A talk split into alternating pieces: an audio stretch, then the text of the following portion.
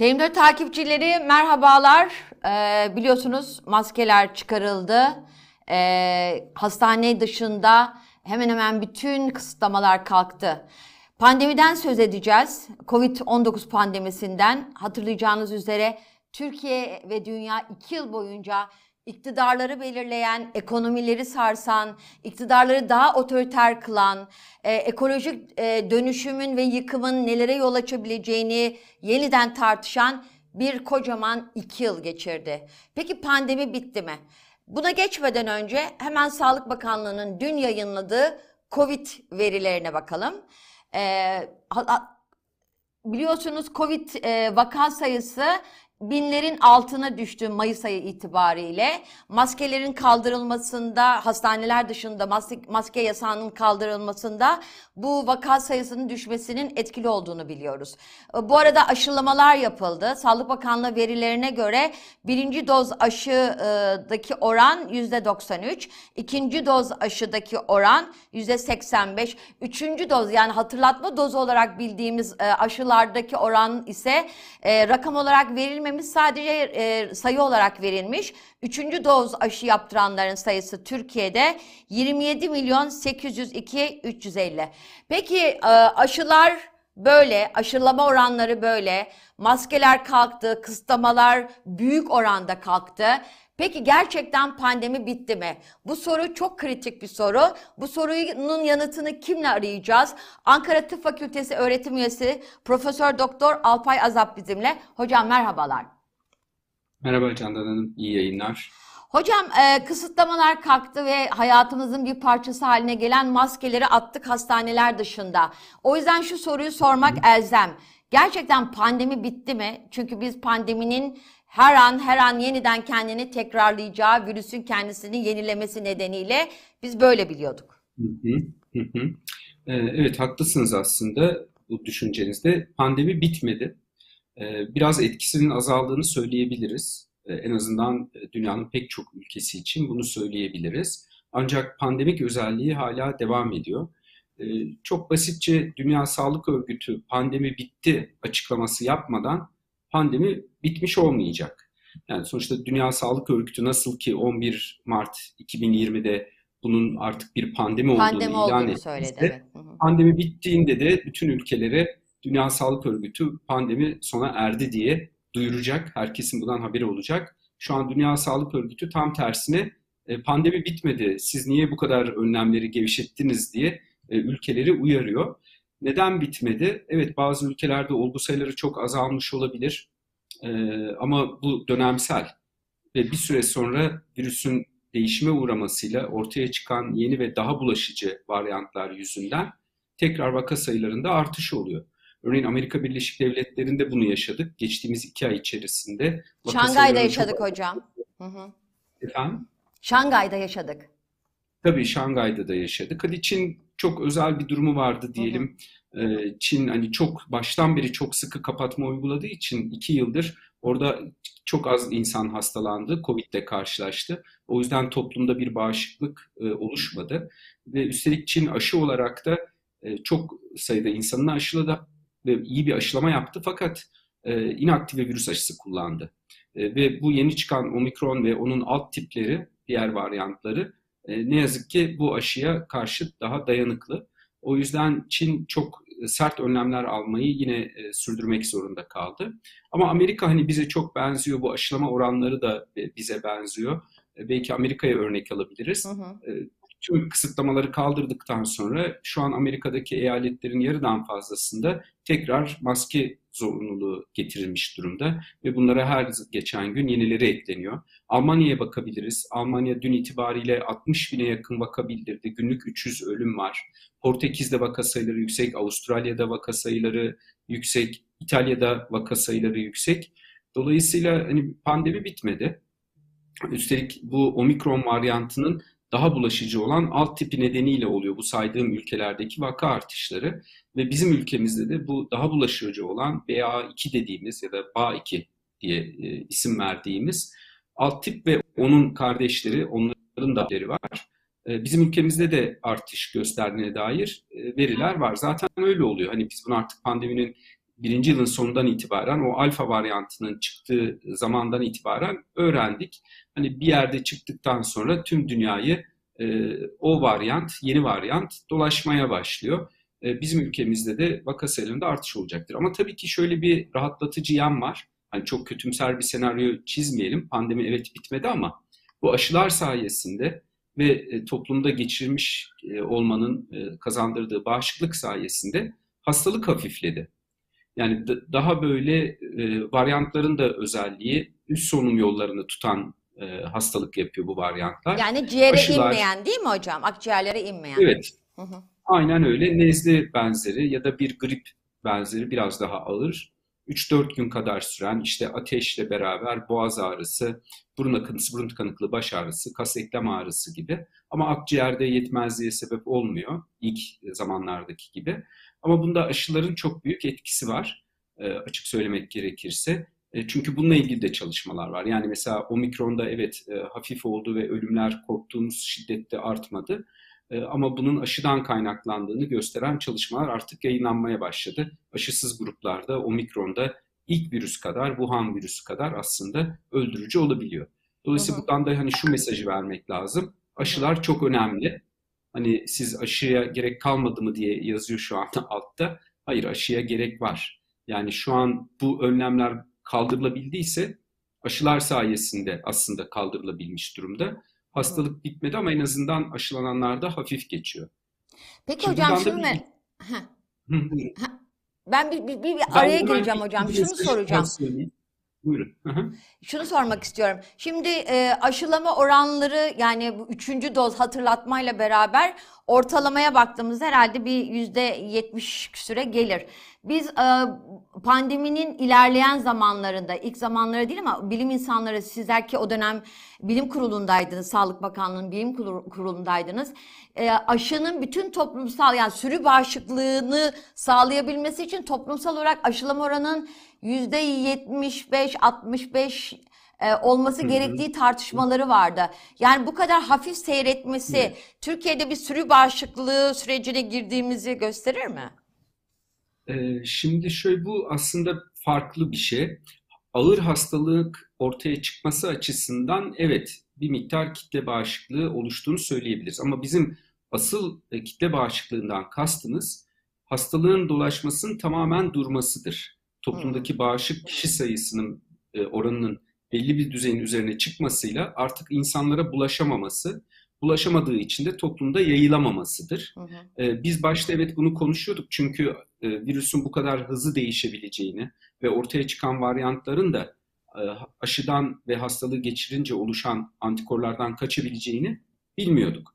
Hı. O yüzden ilk başta e, bu varyantlar hiç çıkmadan 2020 senesinde bir kitle bağışıklığı, aşılar ilk kullanmaya başladığında bir kitle bağışıklığı tartışmamız vardı ama biz bilim çevreleri uzun zamandır, e, bir buçuk yıldır artık e, bu hastalıkta kitle bağışıklığının olmayacağını kabul ediyoruz. Hmm. Çünkü virüs çok değişiyor birincisi, hmm. E, aşılardan kaçabiliyor. İkincisi de şöyle önemli bir özellik var. Kullandığımız aşılar hastalığın bulaşmasını %100 engellemiyor. Ağır hastalığı %95 oranında engelliyor evet. Özellikle hatırlatma dozunu yaparsanız %90-95 hastaneye yatış ve ölümü engelliyor. Bu çok iyi. Ama e, hafif de olsa hastalığı geçirebiliyorsunuz ve dolayısıyla da virüsü taşıyıp topluma yayabiliyorsunuz. O yüzden COVID'de olacak olan şey kitle bağışıklığı değil. Kitle bağışıklığını beklemiyoruz. O yüzden de bu COVID kaybı olmayacak. Neyi bekliyoruz derseniz endemik hale dönmesini bekliyoruz. Yani tıpkı grip virüsleri gibi salgın bittikten sonra kış aylarında artan işte kapalı ortamlarda uzun süre bulunmak nedeniyle yaz aylarında sayısı azalan sürekli ama e, hastalık yapan bir enfeksiyon, bir virüs dolaşacak aramızda. Ve e, altta yatan ciddi hastalığı olanları, yaşı ileri olanları, e, aşısızları, bağışıklık sistemi baskılanmış olanları da ağır hastalandıracak. Belki de onların ölümüne sebep olacak. Tıpkı grip gibi. Yani gripte de her sene işte 300 binden fazla insan, kimi insan hesaplar 500 bine yakın insan gripten hayatını kaybediyor. Bunlar daha çok küçük çocuklar, işte yaşı çok büyük olanlar, e, ileri yaştakiler, altta yatan hasta olanlar. Şimdi Covid'de de e, iş buraya doğru gidecek. Hani biz o zaman endemik hale döndüğünde biz artık bunun pandemik olmadığını söyleyebileceğiz. Ve bunda bir önemli faktörün de şu olması gerekir. Hastalanan kişileri, bu riskli gruptakilerde dahil, etkili bir şekilde tedavi edecek ilaçların da elimizin altında olması e, bizi rahatlatacaktır. Orada da İşte onunla- ilaçlar çok değişti hocam pandemi süresi boyunca değil mi? Evet. Yani Evet. etken maddesi Yani pavir olan bir sürü ilaçlar kaldırıldı sonra vesaire. Tabii, tabii. Yani Orada ne oldu. aşamadayız şimdi? Hemen şöyle özetleyeyim. İlk başta e, biz bu virüslere karşı etkili bir ilaç hiç elimizde bulunmadığı için çünkü bu virüsler çok ağır öldürücü hastalık yapmıyordu insanlarda Hı. koronavirüsler. O yüzden doğrudan bu virüse etkili ilaç olmayınca hani başka amaçlarla kullanılan ilaçlar hem vücuttaki bağışıklık sistemi üzerinden hem de virüsün bazı e, yapı, ma- yapı taşları üzerinden acaba işe yarar mı diye onları kullanmaya başladık. Hidroksiklorokini hatırlarsınız salgının en başında. Yani şu sıtma ilacı Evet. e, olan Sıtma ilaç ya da romatizmal hastalıklarda kullanılan ama onun tabii çok işe yaramadığı hemen anlaşıldı. İşte onun peşinden favipiravir dediğimiz aslında grip virüsleri için geliştirilmiş bir ilaç işe yarayabilir diye düşündük. Bayağı kullandık. O da işe yaramadı ortaya çıktı. Onu da bıraktık. E, çünkü hani mecburduk bunları kullanmaya. Elimizde çünkü bir alternatif yoktu. Hani Hı hı. e, çaresizlikten bunları denemek durumunda kaldık. Hı hı. Ama şimdi e, aradan geçen bu süre içerisinde doğrudan bu virüse etkili olabilecek ilaçlar geliştirildi. E, bunların ama yaygınlaşması lazım. Şu an ülkemizde kullanılan molnupiravir ismi verilen ve işte test pozitif çıkan 65 yaş üstü kişilere ve bağışıklık sistemi baskılanmış kişilere dağıtılmakta olan ilaç bunların ilki. E, ilk defa İngiltere'de Ocak ayında e, ruhsat aldı ve hemen kullanılmaya başladı. E, bunun yaklaşık %50 civarında bir etkisi var. Ağır hastalık ve ölümden koruyucu etkisi var. E, Amerika'da onay alıp kullanıma giren e, Paxlovid adını verdiğimiz e, başka bir ilaç var ki onun etkisi daha da yüksek. Yine Remdesivir diye bir ilaç var. Salgının başında da bir süre onu bulabilme şansımız olmuştu Türkiye'de. Ama bu ilaçların şöyle olması lazım. Mesela Remdesivir damar yoluyla verilen pahalı bir ilaç olduğu için de herkese veremiyorsunuz. E, çünkü kimin ağır seyredeceğini de en baştan zaten bilemiyorsunuz. E, Bu nedenle bize aslında böyle hap olarak kullanılabilecek, ciddi yan etkisi olmayan, ucuz, kolay erişilebilir, tıpkı gripte kullandığımız e, oseltamivir etken maddeleri, ilaçlar gibi ilaca ihtiyacımız var. E, onlar da önümüzdeki 6 ay 1 yıl içerisinde yaygınlaşacaktır. Ve e, bu o zaman biz belki de pandeminin bittiğini tam olarak söyleyebileceğiz. Ama o zamana kadar önlemleri çok boşlamamak gerektiğini ben düşünüyorum. E, şu nedenle evet hastalık hafif geçiyor özellikle aşılananlarda da daha önce hastalığı geçirmiş olanlarda basit bir nezle ya da biraz daha ağır geçiren grip gibi geçiriyor. Ama e, toplumda risk altındaki kişiler var. Ve bu şekilde önlemleri bırakıyor olmamız virüsün toplumda dolaşmasını arttıracağı için bu risk altındaki kişilerin virüsle karşılaşma olasılığını arttıracak. Bunlarda aşı da sağlıklı kişiler kadar koruyucu olamıyor maalesef. Hı. Örneğin organ nakli yapılmış kişiler. Hani Hı bu hı. kişilere biz e, zaten baştan 3 doz uyguluyoruz. Hatırlatma dozunu 4. doz olarak uyguluyoruz. E, kanser hastaları mesela bunlara 5 doz aşı öneriliyor. Bu tür kişiler ancak hani 5 doz aşı yaptığınızda koruyuculuk bir miktar sağlayabiliyorsunuz. Hani ileri yaştaki kişiler, yaş arttıkça da aşı ile ilgili bir sorun yaşıyoruz. Etkisi azalıyor aşının. E, bu tür kişiler e, bizler maske kullanmayınca hastalığa daha kolay yakalanabilecekler. Yakalanma riski artacak virüs toplumda dolaştığı için. Aslında bu süreçte e, benim beklentim, yani bizim enfeksiyon hastalıkları uzmanları olarak beklentimiz bu risk gruplarında hastalıkların artacağı ve onların maalesef hastaneye yatış ve ölümlerini e, göreceğiz. İşte Almanya'da yaşandığı gibi dediğim gibi dün Almanya'da 350 yanılmıyorsam civarında ölüm var. Almanya'da işte Amerika Birleşik Devletleri'nde 150 civarında ölüm var. Bir gün içerisinde gerçekleşen Covid ölümlerini söylüyorum. Bizde Aşılanmaya kadar rağmen. düştü. Bizde dörde kadar düştü ama işte bizde e, devamı gelecek gibi görünüyor. Artış e, bu iki varyantı yüzünden ve şimdi maskeleri çıkarmamız nedeniyle e, olacak gibi görünüyor. Bir de sizin o verdiğiniz aşı rakamları programın başında paylaştığınız aşı oranları e, üzerinde de yazıyor dikkat edersiniz. 18 yaş üstü nüfus e, dikkate alınarak Evet, hesaplanan evet, oran. aynen. Oysa tüm toplumu hesaba aldığımız zaman, hesaba kattığımız zaman şu an Türkiye'de e, primer aşılama dediğimiz iki doz aşısını olanların oranı yüzde 65 civarında. Hı hı. Yani yüzde 35 daha e, primer aşılama şemasını bile bitirmeyenler var. Yani iki Kaldı doz ki aşısını omikrondan yaptırmamış olanlar. Hı hı. evet iki dozunu bitirmeyenler Evet, var. E, tamamlamamış kaldı olanlar. ki omikrondan korumak korunmak için e, üçüncü doz mutlaka gerekiyor. Hı hı. Hatta dördüncü dozu yap- yapıyor pek çok ülke. İsrail başladı ilk dördüncü doza. Amerika Birleşik Devletleri, Kanada, İngiltere bunlar en azından risk gruplarında dördüncü dozu yapmaya başladılar. Hı hı. bizde de açık. Aslında risk grupları dördüncü dozunu olabiliyorlar bizde de. Ama maalesef hani e, aşıya karşı bir ilgisizlik başladı. Bunda pandeminin de bittiğine dair algının bir etkisi var. O yüzden de daha güçlü bir sesle bunu vurgulamak lazım. Evet pandemi hafifledi ama bitmedi. E, toplumda en yakınımızdaki, sevdiğimiz e, risk grubundaki kişiler cidden hayatını kaybedebilir hala. Ciddi hastalık geçirebilir hala.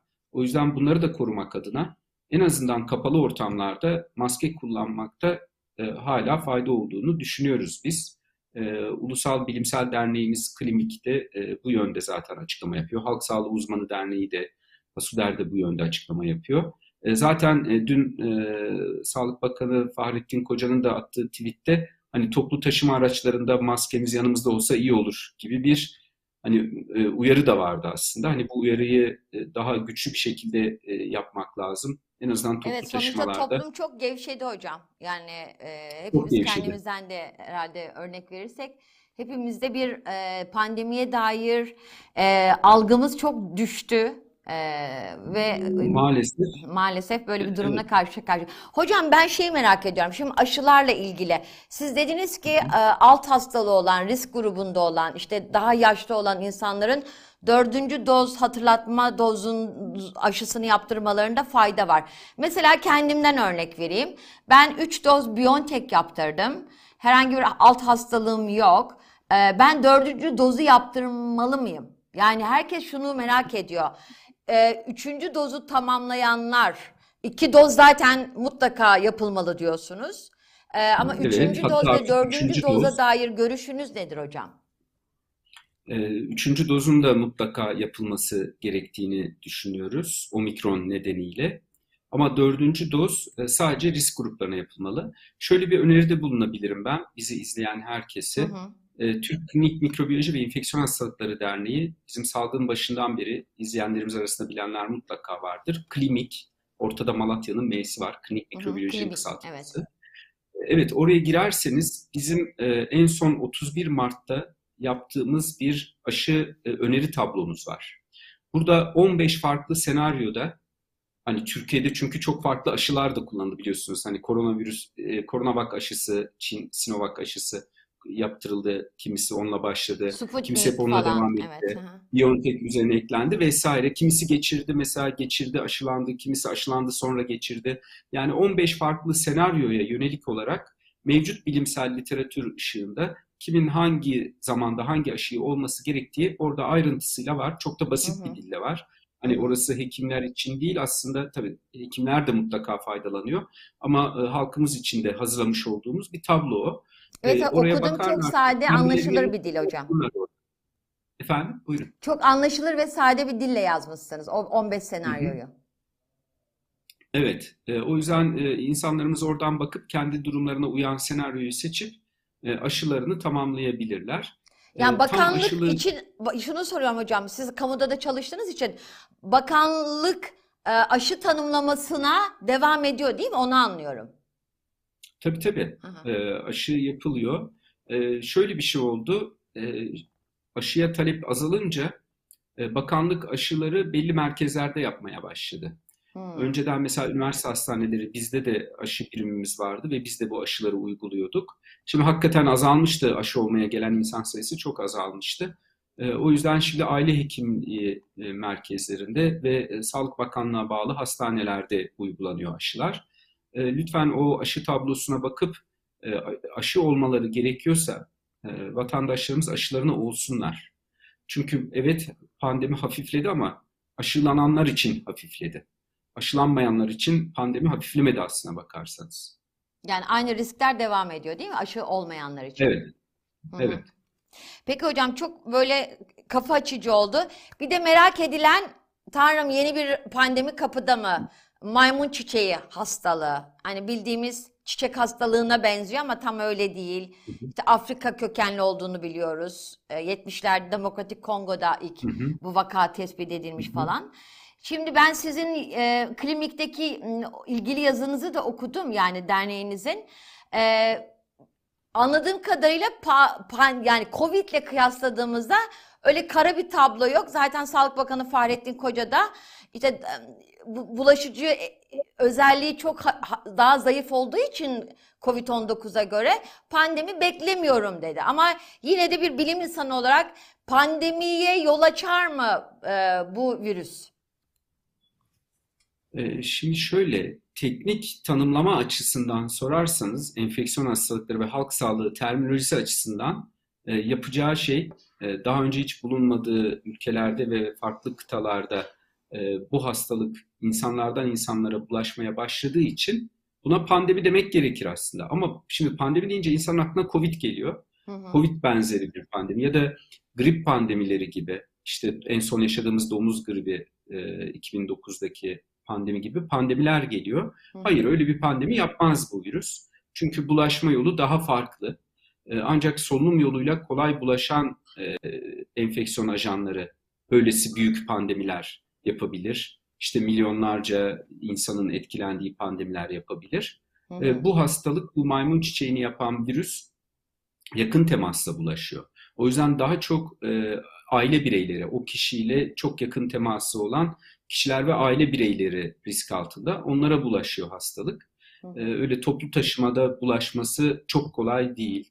İşte ne bileyim alışveriş merkezinde, sinemada, tiyatroda e, bulaşması, kalabalık ortamlarda e, bulaşması kolay değil.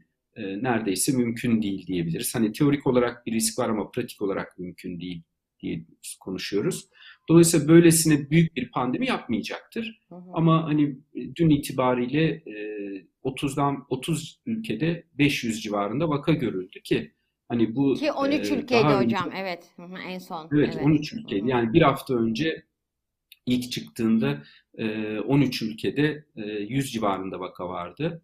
E şimdi 500'e çıktı. Yani artacak. Yani bu artacaktır ama e, hep yakın temasla bulaşıyor. Daha çok ciltteki küçük kesiklerden, çatlaklardan, gözle göremediğimiz çatlaklardan, e, hasta kişinin salgıları veya o salgılarla kirlenmiş cansız yüzeylerden e, işte yine kapı kolu, ortak kullanılan havlu, havlu, tabak, çat- çatal gibi e, aletlerden, araç gereçlerden bulaşıyor. O yüzden de hani böyle e, işte Covid'li birisiyle aynı otobüste seyahat edince ya da uçakta hastalanma riski yüksekken bunda öyle bir şey yok. Dolayısıyla da e, yaygın bir e, pandemi yapmasını beklemiyoruz. Bir de tabii aşısı yok ama bir de aşısı yok ama Hı. çiçek aşısı etkili değil mi? Sizin yaz- e, yazınızda okudum. Yani derneğinizin yazısında Evet. okudum. Hı hı.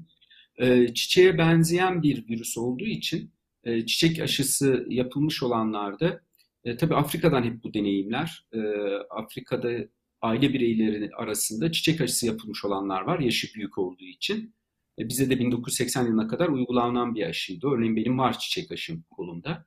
E, hani oradan öğrendiğimiz tecrübeler Dünya Sağlık Örgütü'nün bildirdiği %85 civarında bir koruyuculuğu var. Hı hı. Ee, Öte yandan Covid kadar da e, öldürücü e, seyretmediğini e, görüyoruz, biliyoruz. Yüzde bir ila üç civarında bir öldürücülükten bahsediliyor ama bu Afrika için.